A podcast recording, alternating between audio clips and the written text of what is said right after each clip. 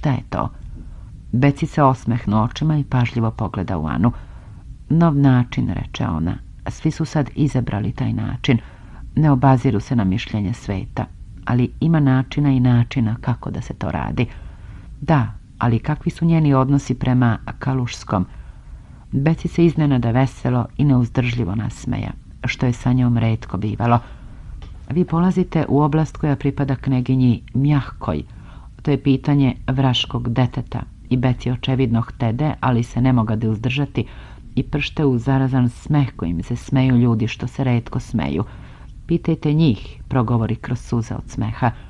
Da, vi se smejete, reče Ana i također se nehotice zarazi smehom, a ja nikad nisam mogla da pojmim. Ne razumem tu ulogu muža. Muž, muž Lize Merkalove nosi za njom pled i uvek stoji na usluzi a šta je dalje u samoj stvari, to niko neće da zna. Znate, u otmenom društvu se ne govori i čak se i ne misli o izvesnim delovima toalete. Tako je i sa tim. Hoćete li biti na proslavi Rolandakija, upita Ana da bi promenila razgovor. Mislim da neću, odgovori Beci i ne gledajući u svoju prijateljicu počeo bazrivo sipati mirisavi čaj u male šolje. Pošto dodade šolju, Ani uze cigaretu, umetnuje u srebrnu ručicu i zapali je. Eto vidite, ja sam u srećnom položaju, poče ona bez smeha uzevši u ruku šolju. Ja razumem i vas i Lizu. Liza je jedna od onih bezazlenih priroda koje kao i deca ne razumeju šta je dobro, a šta je rđavo. Bar nije razumevala onda kad je bila mlada. A sad zna da je to nerazumevanje lepo stoji. Sada može biti da naročito neće da razume, govorila je Beci s finim osmejkom. Ali tačno je da je to lepo stoji. Vidite, na jednu istu stvar može se gledati tragično i načiniti od nje pravo stradanje, a može se gledati obično i čak i veselo. Može biti da ste vi skloni da gledate na stvari suviše tragično. Kako bih željela da druge poznajem tako kao što sebe poznajem, rečena ozbiljno i zamišljeno. Da li sam gora od drugih ili bolja? Mislim da sam gora. Užasno dejte, užasno dejte ponovi Beci. Ali evo ih, dolaze. Začuše se koraci i muški glas, zatim ženski glas i smeh i odmah zatim uđoše očekivani gosti. Safo Štolc i sav sjajan od izobilnog zdravlja mladić, takozvani Vaska. Vidjelo se da mu dobro prijaju krvava goveđina, pečurke i burkunsko vino – Vaska se pokloni damama i pogleda u njih, ali samo za sekundu. Pa uđe u salon sa Safom i prođe kroz salon za njom, kao da je privezan za nju, ne puštajući s nje svoje sjajne oči kao da je hteo da je pojede. Ona uđe sićušnim, živahnim koracima, na visokim potpeticama plitkih cipela i snažno muški steže ruke dama. Ana još nijedan put nije videla ovu novu znamenitost i bila je iznenađena i njenom lepotom i krajnošću do koje je bila dovedena njena toaleta i smelošću njenog ponašanja. Na glavi joj od njene i tuđe nežno zlačane kose beše načinjena frizura visoka kao skele, tako da joj je glava po veličini bila ravna stasito ispupčenoj i spreda vrlo dekoltovanoj bisti. Koračala je tako brzo da su joj se pri svakom pokretu unapred ocrtavali ispod haljene oblici kolena i gornjih delova nogu i da se nehotice nametalo pitanje gde se pozadi u onoj nameštenoj i zanihanoj planini stvarno svršava njeno istinsko malo i vitko telo, tako skriveno i pozadi. Beci pohita da je upozna sanom. Zamislite, umalo što nismo pregazili dva vojnika, poče pričati namigujući, osmejkujući se i odbacujući nazad skut haljine koji beše suviše prebacila na jednu stranu. Vozila sam se sa Vaskom, a da, vi se ne poznajete. I rekavši njegovo prezime, ona predstavi mladog gospodina i potrvenavši, zvučno se nasmeja svojoj pogrešci, to jest tome što ga je pred nepoznatom damom nazvala Vaskom. Vaska se još jednom pokloni Ani, ali joj ništa ne reče. On se okrete Safi. Izgubili ste opkladu. Stigli smo ranije. Izvolite platiti, govorio je, osmejkujući se.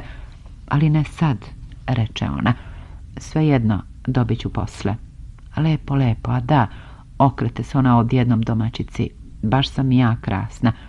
Sasvim sam zaboravila. Dovela sam vam gosta. Eto ga. Neočekivani mladi gost koga je Safo dovela i koga je zaboravila bio je međutim tako znatan gost da su bez obzira na njegovu mladost obe dame ustale da ga dočekaju.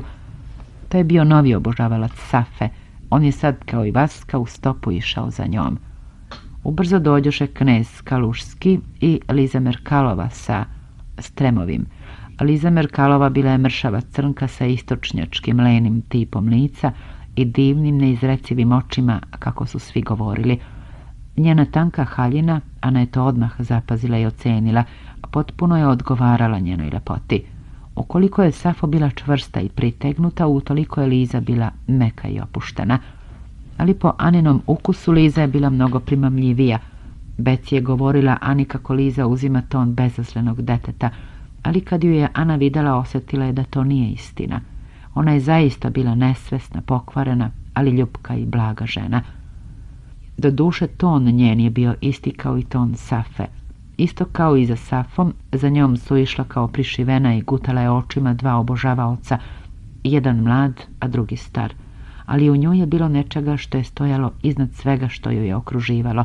Ona je imala sjaj pravog i čistog dijamanta među staklima taj sjaj sijao je iz njenih dražesnih, zaista neizrecivih očiju.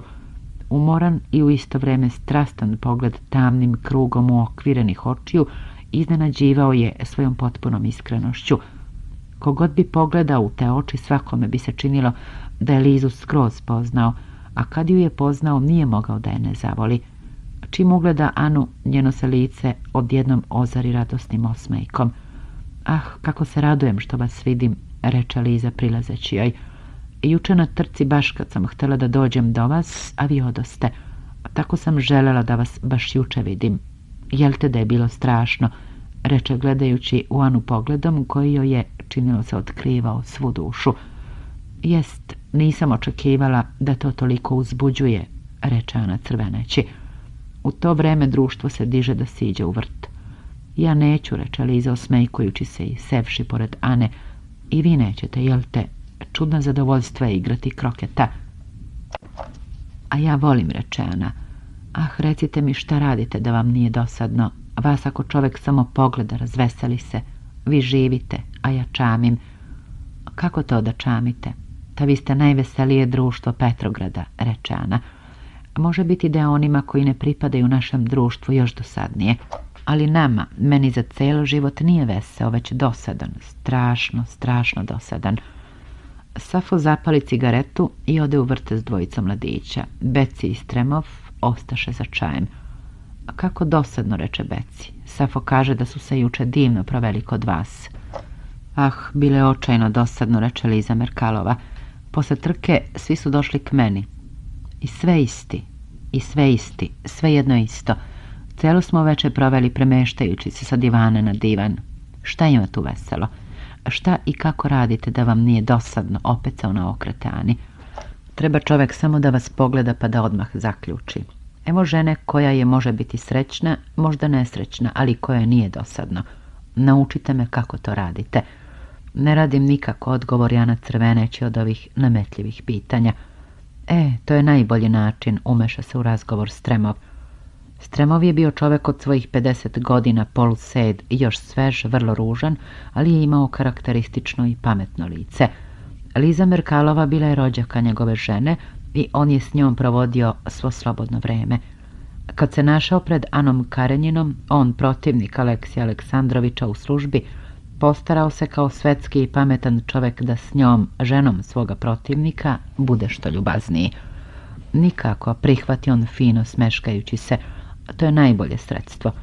Ja sam vam odavno govorio obrati se on Lizi Merkalovoj. Ako hoćete da vam ne bude dosadno, ne treba da mislite da će vam biti dosadno. To je isto kao i ono, ne treba se bojati da nećeš zaspati ako se bojiš nesanice. Baš to vam je i kazala Ana Arkadijevna. Bilo bi mi vrlo milo da sam to kazala, jer to je ne samo pametno, nego je i istina rečana osmejkujući se. Recite mi zašto se ne može zaspati, i zašto se ne može učiniti da ne bude dosadno. Da se zaspi treba raditi, a da se može veseliti treba također raditi. Zašto da radim kad moj rad nije nikome potreban, a da se naročito pretvaram ne umem i neću. Vi ste baš nepopravivi, reče Stremov, ne gledajući u nju i opet se obrati Ani. Kako je Anu redko viđao, nije joj mogao kazati ništa osim banalnosti.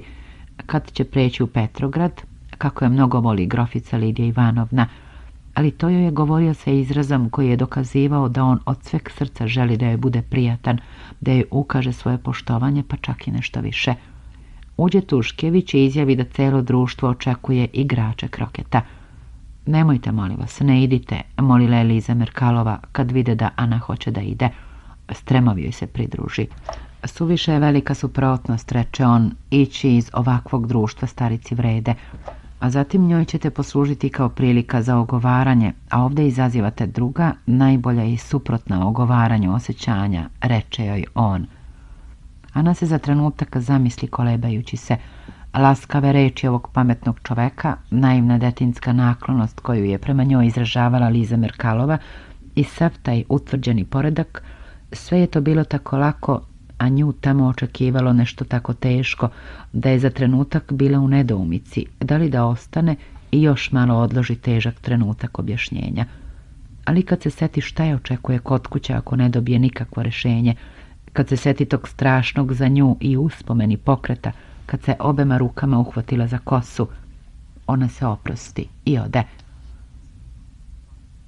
Uprkos svome naizgledala komislenom svetskom životu, Vronski je bio čovek koji je mrzio nered.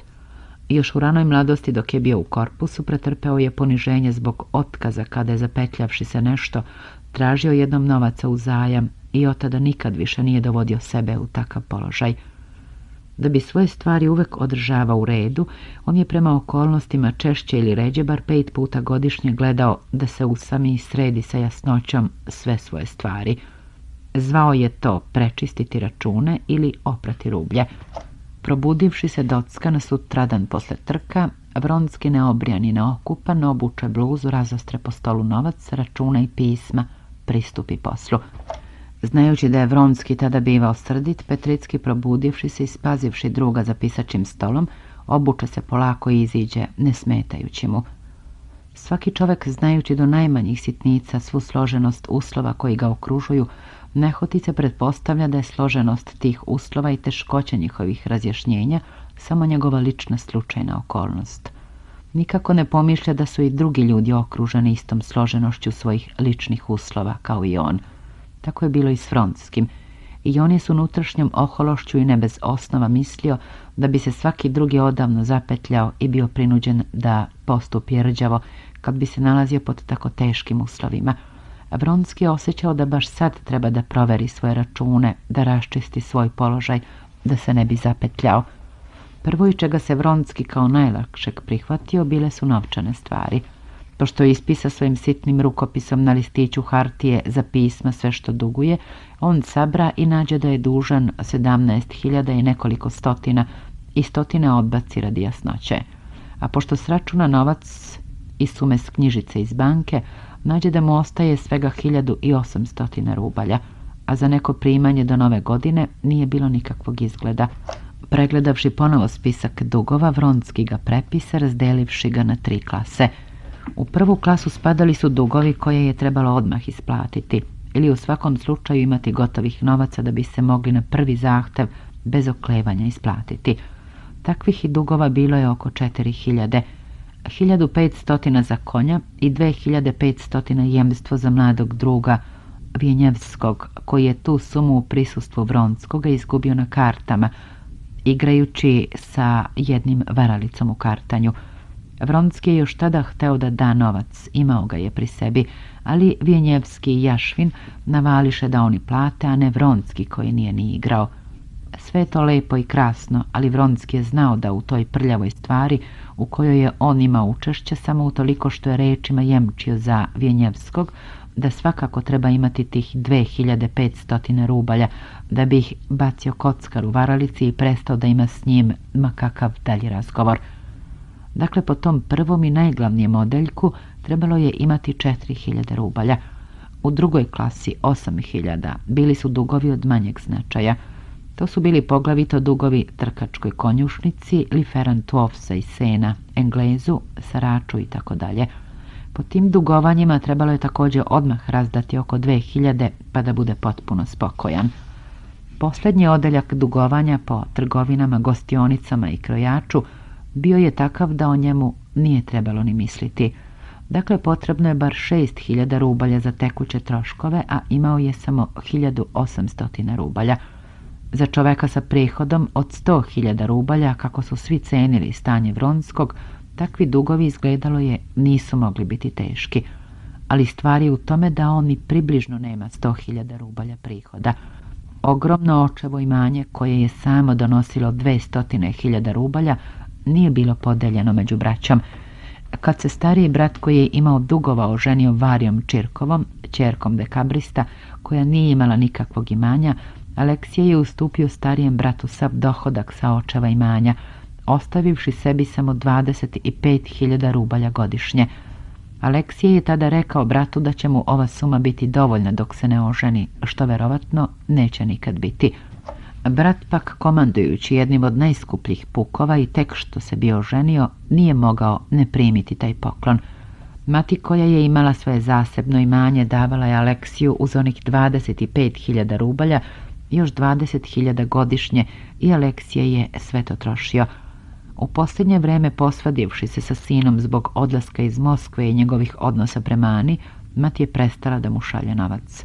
Usled toga Vronski koji je navikao bio da živi sa 45.000, a ove godine dobio samo 25.000 rubalja, našao se u teškom položaju. Da iziđe iz teškoće nije mogao tražiti novac od matere, Njeno posljednje pismo koje je dobio u oči toga dana osobito ga je razljutilo time što su u njemu bili nagoveštaji da je ona gotova da mu pomogne radi uspeha u svetu i službi, ali ne radi života koji je skandalizovao celo valjano društvo. Materina želja da ga kupi uvredila ga je do dna duša i učinila da još više ohladni prema njoj.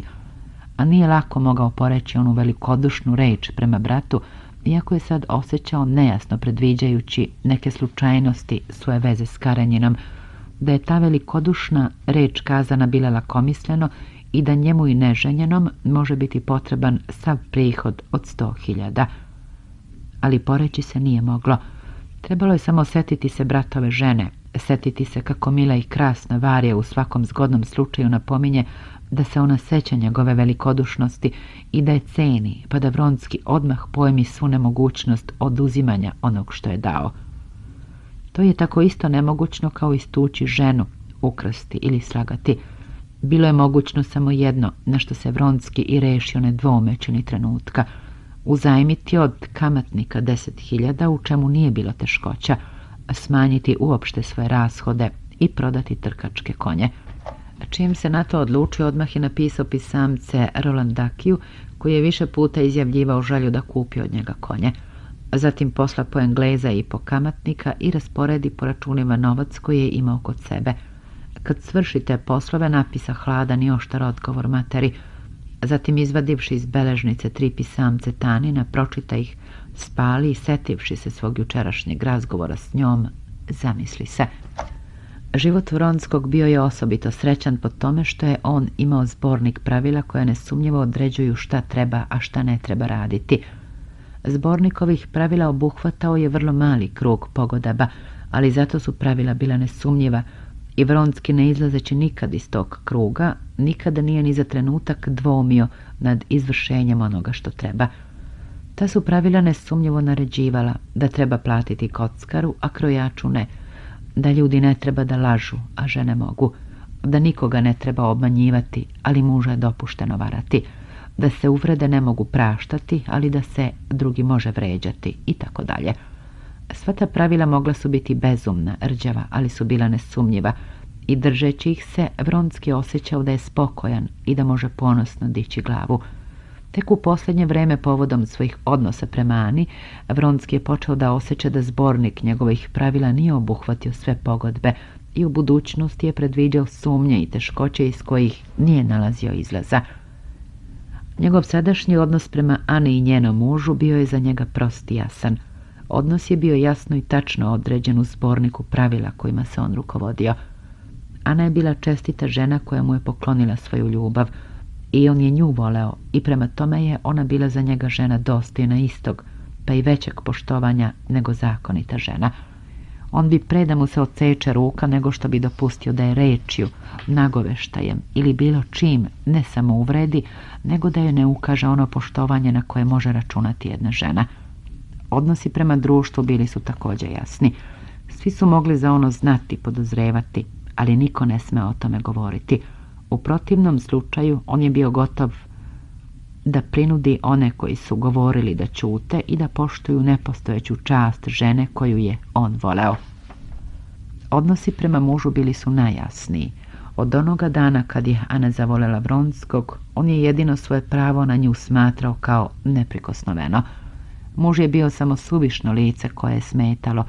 Nema sumnje, on je bio u žalosnom položaju, ali šta se moglo raditi?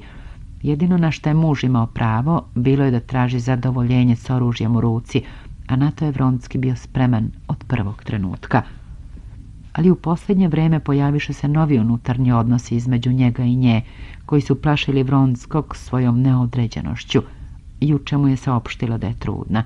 On je osjetio da taj izveštaj i ono što je ona očekivala od njega zahteva nešto što nije bilo potpuno određeno kodeksom onih pravila kojima se on rukovodio u životu. I zaista on je vešću bio veoma iznenađen i u prvom trenutku kad mu je ona vest saopštila, srce mu je došanulo zahtev da treba da ostavi muža. On je to Ani i kazao, ali sad posle razmišljanja jasno je video da bi bolje bilo kad bi se prošlo bez toga. A u isto vrijeme govoreći to u sebi pitao se da li to nije i ružno. Ako sam rekao da ostavi muža, to znači da ima da se sjedini sa mnom. Da li sam ja spreman za to? Kako da je odvedem sad kad nemam novaca? Recimo, to bih još i mogao udesiti, ali kako da je odvedem kad sam u službi? Ako sam ono rekao, treba da sam spreman i na ovo, to jest da imam novaca i da damo stavku. I on se zamisli. Pitanje o tome da li da podnese ostavku ili ne, odvede ga drugom tajnom, samo njemu poznatom i gotovo glavnom, premda prikrivenom interesu celog njegovog života. Častoljublje je bilo davnašnje maštanje njegovog detinstva i mladičkog doba, maštanje koje ni on pred sobom nije priznavao, ali koje je bilo tako silno da se ta strast borila sada s njegovom ljubavlju. Njegovi prvi koraci u svetu i u službi bili su uspešni, ali pred dve godine učinio je grubu grešku – Želeći da pokaže svoju nezavisnost i da se istakne, odrekao se ponuđenog mu položaja nadajući se da će mu taj otkaz podići cenu. Pokazalo se da je bio suviše smeo i pređoše preko njega i hteo ili ne hteo stvorivši sebi položaj nezavisna čoveka, nosio ga je držeći se vrlo otmeno i pametno, tako kao da se ni na koga ne ljuti, kao da sebe ne smatra uvređenim i želi samo da ga ostave na miru, jer je zadovoljan. U stvari, on je još od prošle godine, kad je bio otputovao u Moskvu, prestao biti zadovoljan. Osjećao je da se onaj nezavisan položaj čoveka koji sve može, samo ništa neće, počinje gubiti. Da mnogi počinju misliti kako on ništa drugo ne može osim da bude običan, častan i dobar čovek. Njegova veza sa Karenjinom, koja je napravila toliki šum, privukla na sebe pažnju, pridala je vronskom nov sjaj, utišala privremeno crva častoljublja koji ga je nagrizao, ali pre nedelju dana taj se crv probudio s novom snagom. Njegov drug iz detinstva, iz istog kruga, istog društva, drugi iz korpusa, Serpuhovski iz iste klase s kojim se nadmetao i u učenju, i u gimnastici, i u šalama, i u sanjarijama častoljublja, vratio se ovih dana iz Srednje Azije – pošto je tamo dobio dva čina i odlikovanje koje se redko daje tako mladim generalima. Čim je stigao u Petrograd, počeše o njemu govoriti kao novoj zvezdi prve veličine. Vršnjak i drug Vronskog, on je bio general i očekivao postavljenje koje je moglo imati utjecaja na tok državnih poslova. A Vronski, mada nezavisan i sjajan i voljen od divne žene, bio je samo kapetan kome su ostavili da bude nezavisan do mile volje. Razume se, ja ne zavidim i ne mogu zavidati Serpuhovskom, ali njegova karijera pokazuje mi da treba sačekati trenutak i karijera čoveka kao što sam ja može biti načinjena vrlo brzo. Pre tri godine Serpuhovski je bio u istom položaju u kojem i ja. Ako dam ostavku, spalio sam sve svoje brodove. Ostanem li u službi, ništa ne gubim. Ona je sama rekla da neće da menja svoj položaj, a kad imam njenu ljubav, ne mogu zavidati Srpuhovskom. Upredajući laganim pokretom brkove, on ustade od stola i prođe po sobi. Oči su mu sjele osobito, jasno osjećao je ono čvrsto, mirno i radosno raspoloženje koje ga je uvijek obuzimalo posle razjašnjenja svog položaja. I sada kao i posle pređašnjih računa sve je bilo čisto i jasno. On se obrija, okupa u hladnoj vodi, obuče i iziđe. Došao sam da vidim šta radiš, Tvoje se pranje rublja nešto dugo oteglo, reče Petricki. ili gotovo? Gotovo je, reče Vronski, osmejkujući se samo očima i upredajući vrhove brkova tako obazrivo, kao da bi svaki brzi i smeli pokret mogao narušiti poredak u koji su dovedene njegove stvari. Uvek posle toga izgledaš kao da si bio u kupatilu, reče Petricki. Dolazim od Gritske, tako su zvali komandanta Puka, tamo te očekuju. Vronski neodgovarajući gledao je u druga, a mislio o drugom. Da li to kod njega svira muzika, reče osluškujući poznate zvuke trubnih basova koji su do njega dopirali i svirali polke i valcere. Kakav je to praznik? Doputovao je Serpuhovski. A, reče Vronski, nisam znao. Osmejak njegovih očiju zablista još jače. Pošto je rešio u sebi da je srećan u svojoj ljubavi, da je žrtvovao svoje častoljublje, uzevši bar tu ulogu na sebe, Vronski više nije mogao osjećati ni zavist prema Serpuhovskom, ni gnev prema njemu, što kad je došao u puk, nije svratio prvo k njemu. Serpuhovski je bio dobar njegov prijatelj i on mu se radovao. O, veoma se radujem. Komandant Puka Demin stanovao je u velikoj spahijskoj kući, Celo društvo se nalazilo na prostranom donjem balkonu. Prvo što u dvorištu pada u oči Vronskom, behu pevači u bluzama koji su stojali pored Burenceta s rakijom i zdrava vesela prilika komandanta Puka, okruženog oficirima. On je stojao na prvom stepenu balkona i glasno nadvikujući muziku koja je svirala Offenbachov kadril, nešto narađivao i mahao rukama vojnicima koji su stojali malo po strani – Gomilica vojnika, narednik i nekoliko podoficira priđoše balkonu zajedno s Fronskim. Vrativši se stolu, komandant Puka ponovo iziđe na stepenice sa čašom u ruci i napi zdravicu. Za zdravlje našeg bivšeg druga i hrabrog generala kneza Serpuhovskog. Živeo. Za komandantom Puka s čašom u ruci smešeći se iziđe i Serpuhovski. Ti si svakim danom sve mlađi, Bondarenko, obrati se on rumenom kršnom naredniku koji je bio na vežbi i stojao pred njim. Vronski tri godine nije video Serpuhovskog. Postao je čovek, pustio zaliske, ali je bio kao i prelepog stasa i zadivljavao ne toliko lepotom koliko nežnošću i plemenitošću lica i stasa. Jedina promjena koju je Vronski na njemu video bio je tihi i stalni sjaj što se utiskuje na licima ljudi koji imaju uspeha, i koji su uvereni da im taj uspeh svi priznaju. Vronski je poznavao taj sjaj i odmah ga primeti na Serpuhovskom. Silazeći ni stepenice Serpuhovski spazi Vronskog. Radostan osmejak obasja lice Serpuhovskog. On klimnu glavom uvisi podiže čašu pozdravljajući Vronskog, ujedno pokazujući tim pokretom da ne može da ne priđe prenaredniku, koji je isprsivši se već namešta usne za poljubac. A, evo ga, viknu komandant Puka, a Jašvin mi reče kao da si u svom mračnom raspoloženju. Serpuhovski poljubi vlažne i sveže usne delije narednika i brišući usta maramom priđe Vronskom. Baš mi je milo reče stežući mu ruku i vodeći ga u stranu. Počastite ga, viknu Jašvinu komandant Puka pokazujući na Vronskog i siđe dole k vojnicima. Što nisi bio juče na trkama? Ja sam mislio da ću te tamo vidjeti, reče Vronski posmatrijući Serpuhovskog. Bio sam, ali sam odocneo. Izvini, dodade, i obrati sa adjutantu. Molim vas, naredite da od moje strane razdadu po koliko dođe na čoveka. I žurno izvadi iz novčanika tri banknote, po sto rubalja i pocrvene. Vronski, hoćeš li da jedeš ili da piješ, upita Jašvin. Hej, daj ovamo grofu da jede, a evo ti ovo da popiješ Pijanka kod komandanta Puka trajala je dugo. Pili su vrlo mnogo. Dizali su na rukama i bacali u viser Puhovskog. Zatim su dizali komandanta Puka. Zatim je pred pevačima igrao komandant Puka s Petrickim. Zatim je komandant Puka već malo malaksao, seo na klupu u dvorištu i počeo dokazivati jašvinu nadmoćnost Rusije nad Poljskom, osobito u konjičkom jurišu, i pijanka se za trenutak stišala. Srpuhovski uđe u kuću u sobu za oblačenje, da opere ruke i tamo nađe Vronskog koji se polivao vodom. Skinuvši bluzu i podmetnuvši crven i malja vrat pod mlaz vode, trljao je glavu i vrat rukama.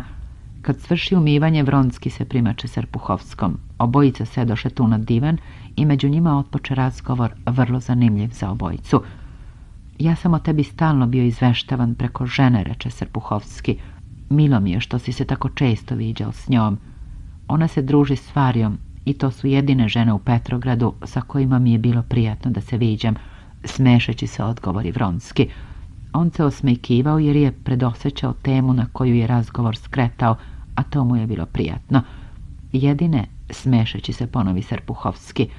I ja sam o tebi imao vesti, ali ne samo preko tvoje žene, reče Vronski, zabranjujući strogim izrazom lica onu napomenu – Veoma sam se radovao tvojim uspesima, ali me oni nimalo ne iznenađuju. Ja sam još više očekivao. Serpuhovski se osmehnu. Očevidno bilo mu je prijatno takvo mišljenje o njemu i nije nalazio za potrebno da to krije. Ja sam naprotiv, priznajem otvoreno, očekivao manje, ali mi je ovo ipak milo, vrlo milo. Ja sam častoljubiv, ljubiv, to je moja slabost i ja je priznajem. Može biti da je ne bi priznao da nisi imao uspeha, reče Vronski. Ne bih rekao, opet smešeći se, reče Srpuhovski. Neću reći da ne bi vredelo živjeti bez ovoga, ali bi bilo dosadno. Razume se, ja se mogu i vratiti, ali mi se čini da imam izvesne sposobnosti za sferu delatnosti koju sam izabrao i da će u mojim rukama vlast, ma kakva ona bila ako je bude, biti bolja nego da je u rukama mnogih koje poznajem, reče Serpuhovski ponosan na saznanje o svome uspehu.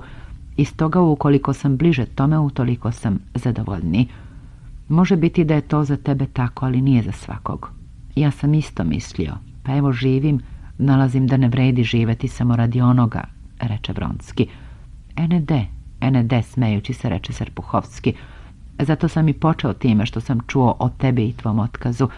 Razume se, ja sam ti odobrio, ali sve ima svoj način. Mislim da je sam postupak dobar, ali ga nisi izveo kao što treba.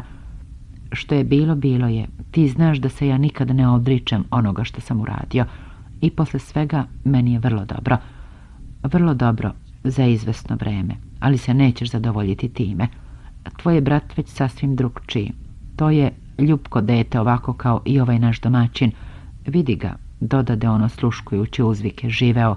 On se veseli, a tebe to ne može zadovoljiti. Ja i ne kažem da bi me to zadovoljilo. Da, ali nije u tome sve. Takvi ljudi kao što si ti potrebni su. Kome? Kome? Društvu. Rusiji su potrebni ljudi, potrebna je partija. Inače sve ide i otići će do vraga. To jest šta? Partija Berćanjeva protiv ruskih komunista. Ne, namršti se ljutito Serpuhovski što mu podmeću takvu glupost i reče... Sve je to glupost. Toga je uvek bilo i bit će. Nema tu nikakvih komunista, ali je ljudima koji hoće intrige potrebno da izmisle neku štetnu i opasnu partiju. To je stara stvar.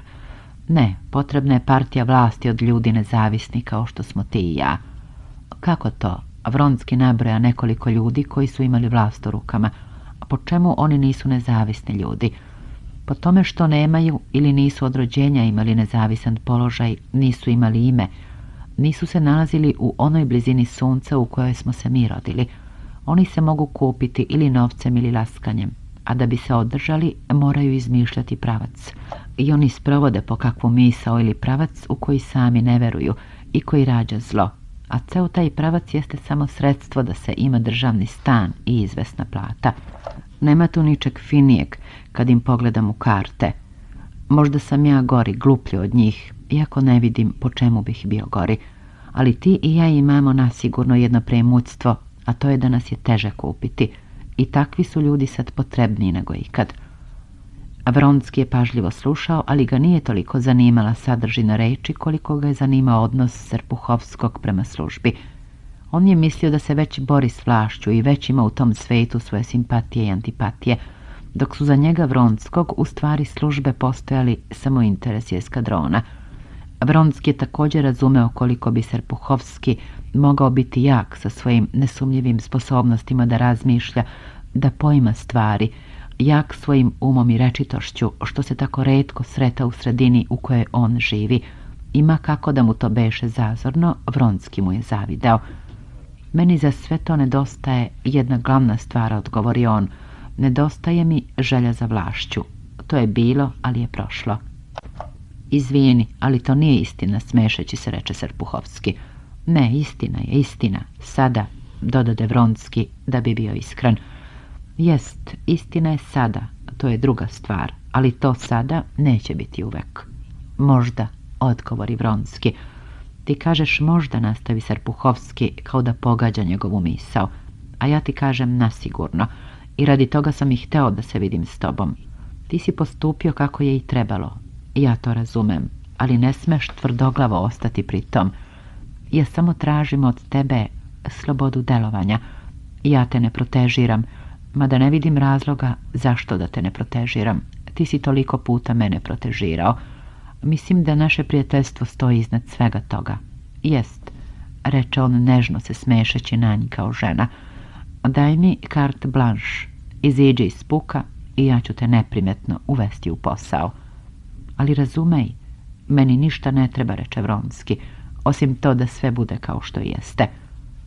Serpuhovski ustade i stade prema njemu. Rekao si da sve bude kao što jeste. Ja razumem šta to znači, ali čuj me. Mi smo vršnjaci, može biti da si ti po broju poznavao više žena nego ja.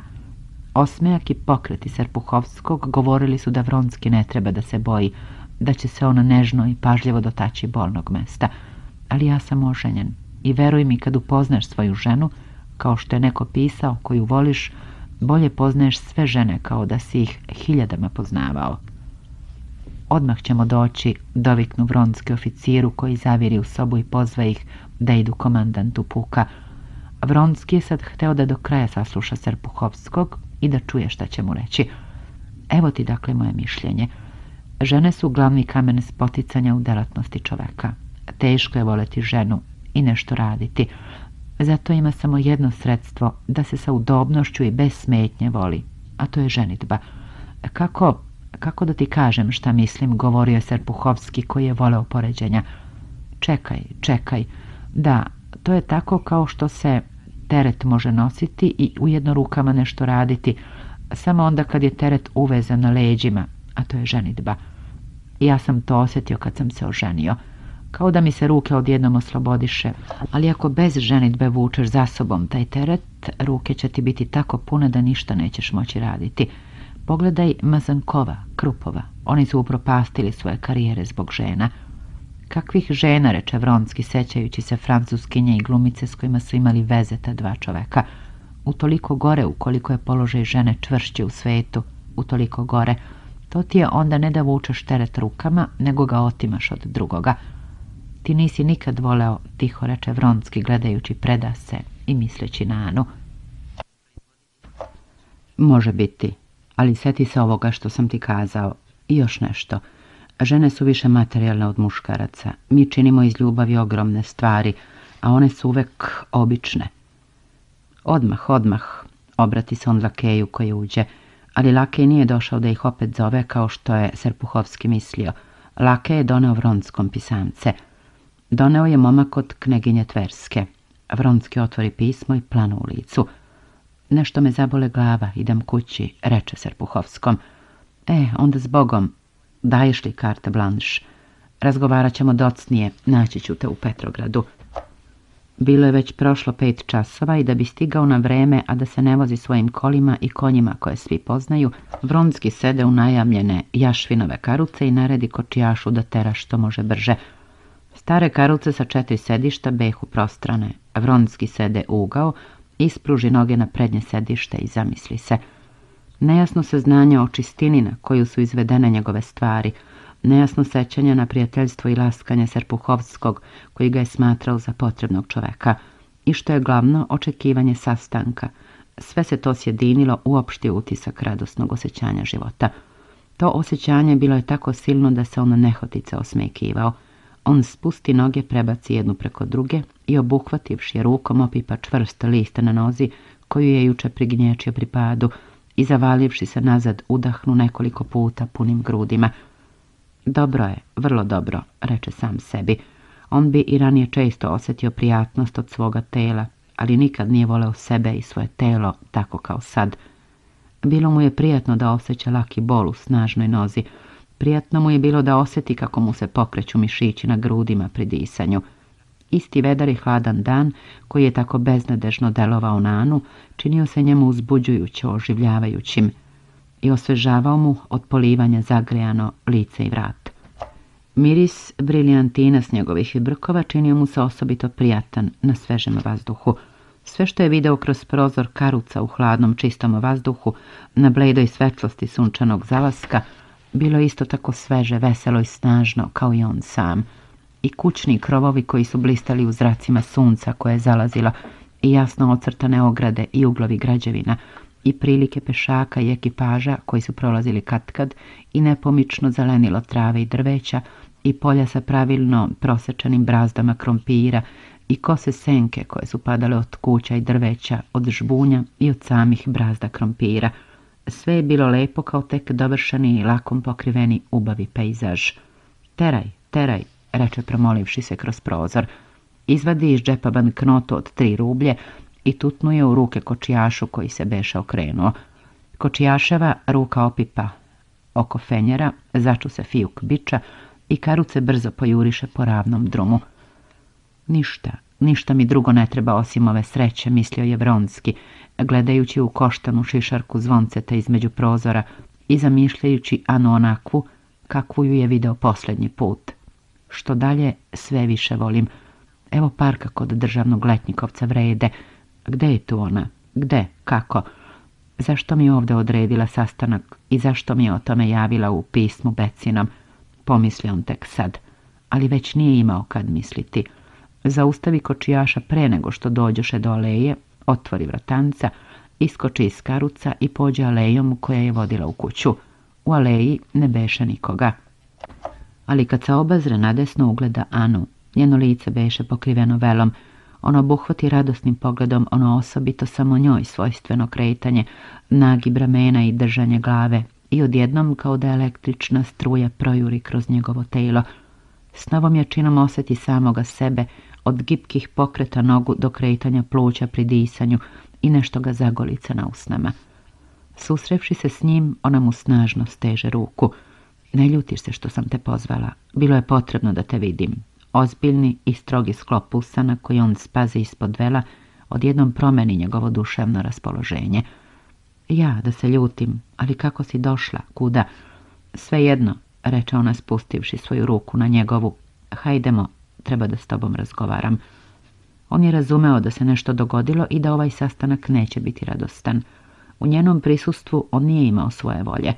Iako nije znao uzrok njenog uzbuđenja, osjećao je već da to uzbuđenje nehotice prelazi na njega. Šta je, šta? Pitao je stežući laktom njenu ruku i starajući se da joj na licu pročita misli. Ona je išla čutke nekoliko koraka, pribirala snagu i odjednom stade. A nisam ti kazala juče, počeo na brzo i teško dišući, da sam Aleksiju Aleksandroviću kad smo se vraćali kući priznala sve. Kazala sam mu da ne mogu biti njegova žena, da sve sam mu kazala. On ju je slušao mehotice naginjući se celim stasom, kao da je želeo time da ublaži težinu njenog položaja. Ali čim ona to izreče, on se odjednom ispravi i lice mu dobi ponosit i strog izraz. Da, da, to je bolje, hiljadu puta bolje. Ja razumem kako je to teško bilo, reče on. Ana nije slušala. Ona je čitala njegove misli po izrazu lica. Ona nije mogla znati da se izraz njegova lica odnosio na prvu misao koja mu je došla u glavu, da je dvoboj sad neizbežan. Njoj nikad nije padala na pamet misa o dvoboju, i stoga je ona taj trenutni izraz strogosti objasnila drugčije. Kad je dobila pismo od muža, ona je u dubini duše znala da će sve ostati po starom, da ona neće moći zanemariti svoj položaj, napustiti sina i sjediniti se s ljubavnikom. Jutro provedeno kod kneginje Tverske još ju je više utvrdilo u tome, ali ovaj sastanak ipak bio za nju neobično značajan. Ona se nadala da će ovaj sastanak izmeniti njihov položaj i da će je spasti. Ako joj on posle ovog saopštenja odlučno, strasno i bez dvoumljenja kaže – Ostavi sve i beži sa mnom. Ona će ostaviti sina i poći s njim. Ali saopštenje nije proizvelo u njemu ono što je ona očekivala. On kao da je nečim bio uvređen. Nije mi nimalo bilo teško. To se desilo samo po sebi, reče ona razdražljivo. I evo, ona izvadi mu ževljavo pismo iz rukavice. Razumem, razumem, prekide on uzevši pismo, ali ne čitajući ga i starajući se da je umiri. Ja sam samo jedno želao, za jedno molio, da se raskine ovaj položaj da bih posvetio svoj život tvojoj sreći. Zašto mi to govoriš, reče ona. Zar ja mogu sumnjati u to, kad bih sumnjala? Ko to ide, reče odjednom Vronski pokazujući na dve dame koje su im išle u susret. Može biti da nas poznaju i on se žurno uputi odvodeći nju sobom ka pobočnoj stazi. Ah, meni je sve jedno, reče ona usneo i zadrhtašenja mu se učini da ga ona neobično pakosno gleda ispod vela.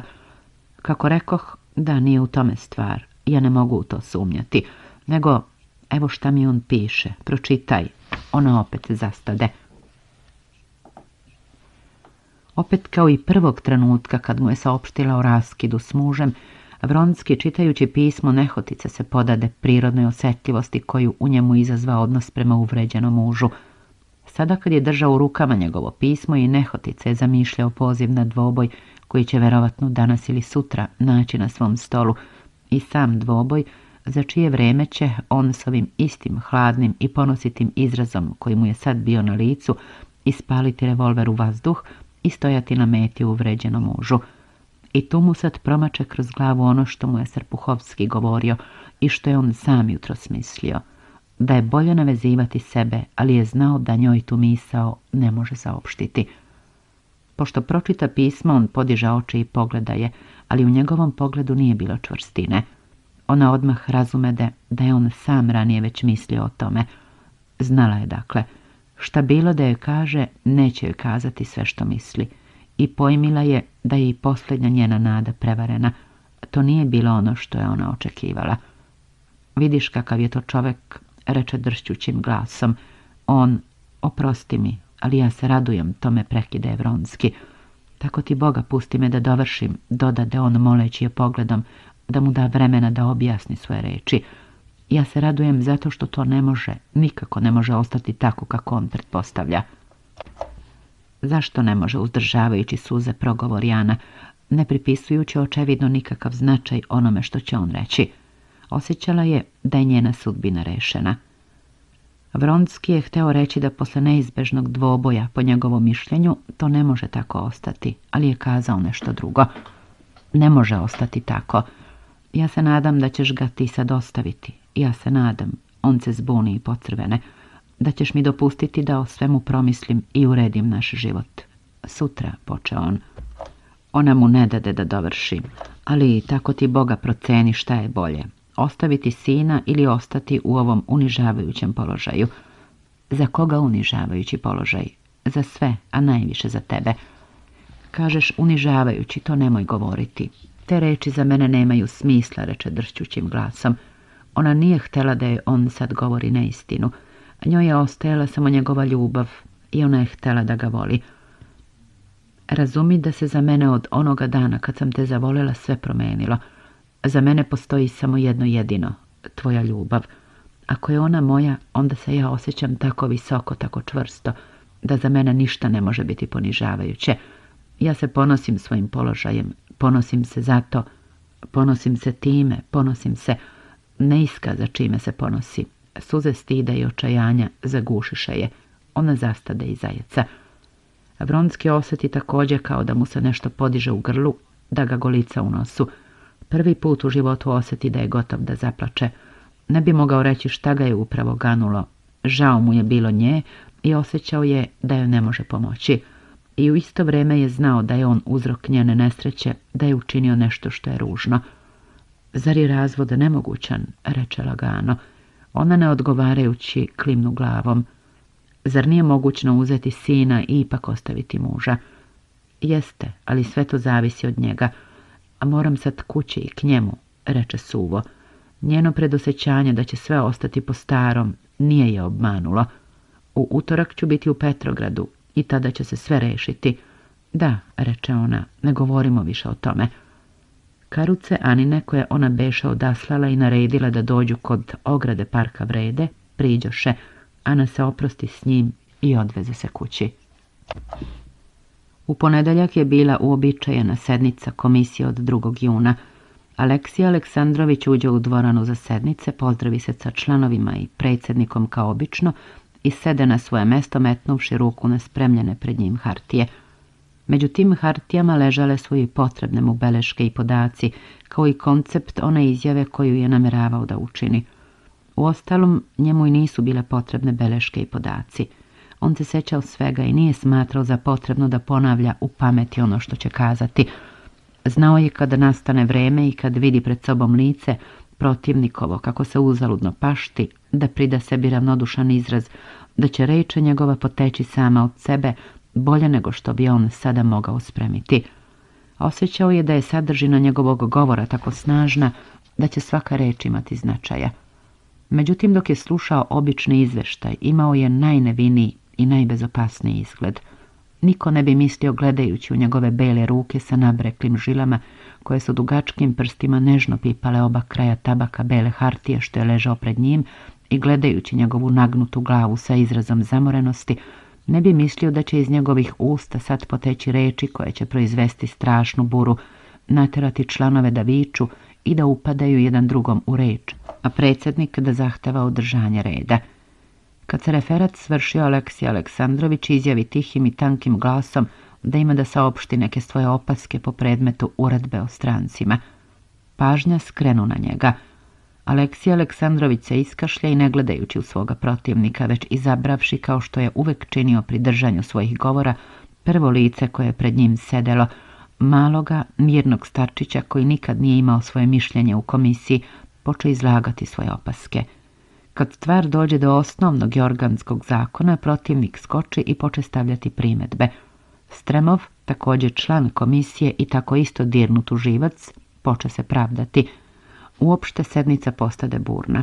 Ali Aleksija Aleksandrović je pobedio i njegov predlog bio je primljen. Obrazovane su tri nove komisije i sutradan se u čuvenom Petrogradskom krugu ni o čemu drugom nije govorilo do ovoj sednici. Uspeh Aleksija Aleksandrovića bio je veći nego što je on sam očekivao. Sutradan utorak ujutru kad se Aleksija Aleksandrović probudio, setio se sa zadovoljstvom učerašnje pobede i nije mogao da se ne osmehne, iako je želeo da izgleda ravnodušan, kad mu šef kabineta želeći da mu polaska saopštio glasovima koje je čuo, a koji su se ticali događaja u komisiji. Radeći sa šefom kabineta Aleksija Aleksandrović sasvim je zaboravio da je danas utorak, dan koji je odredio za polazak u grada na Arkadijevne i bio je začuđen i neprijatno pogođen kad je momak ušao i saopštio da je ona stigla. Ana je doputovala u Petrograd rano ujutru. Po nju su po njenom telegramu poslali karuce i prema tome je Aleksija Aleksandrović mogao znati za njen dolazak. Kad je stigla kući nije sišao pred nju rekoše joj da još nije izišao i da radi sa šefom kabineta. Ona naredi da kažu mužu da je doputovala, pa uđe u svoj kabinet i poče raspremati svoje stvari očekujući da on dođe. Ali prođe čitav sat, a on ne dođe. Ana iziđe u trpezariju da to bože nešto naredi. Govorila je naročito glasno očekujući da on iziđe, ali ne iziđe, a čula je da je dolazio do njenih vrata kad je ispratio šefa kabineta.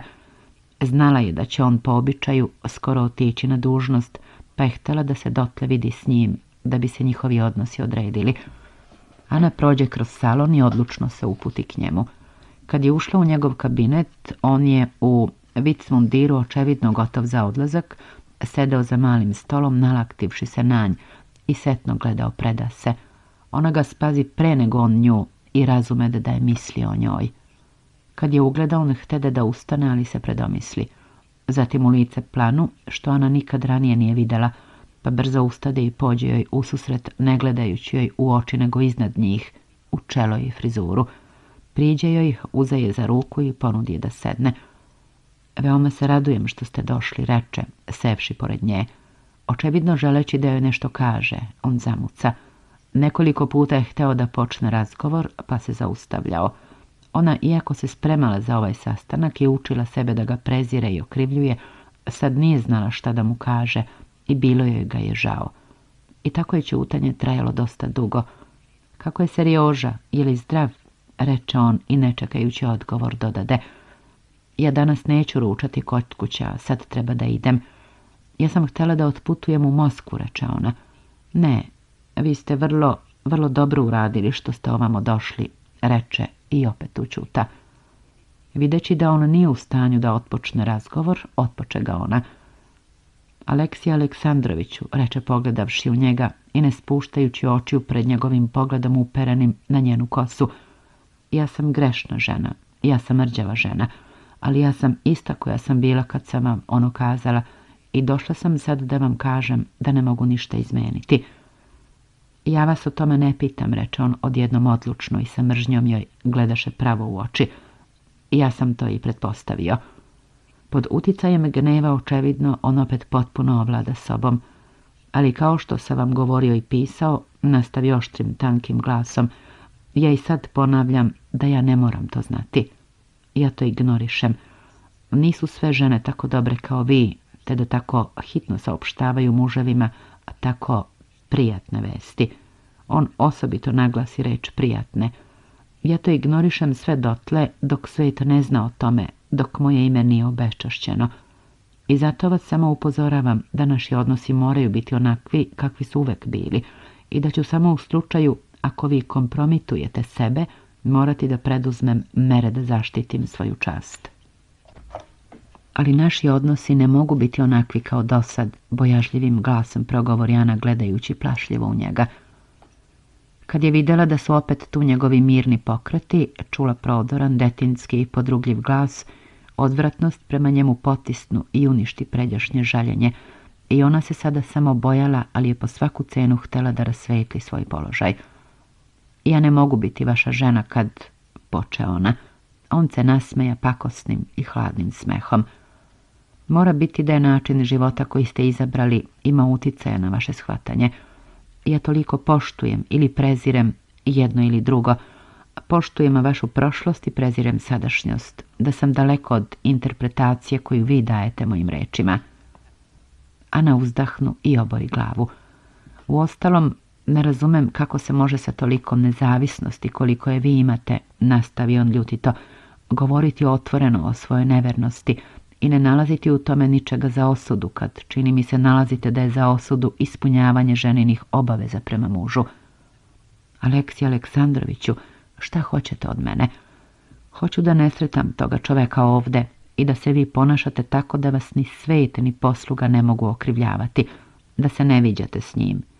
Čini mi se da to nije mnogo, a zato ćete uživati sva prava poštene žene, iako ne ispunjavate njene dužnosti.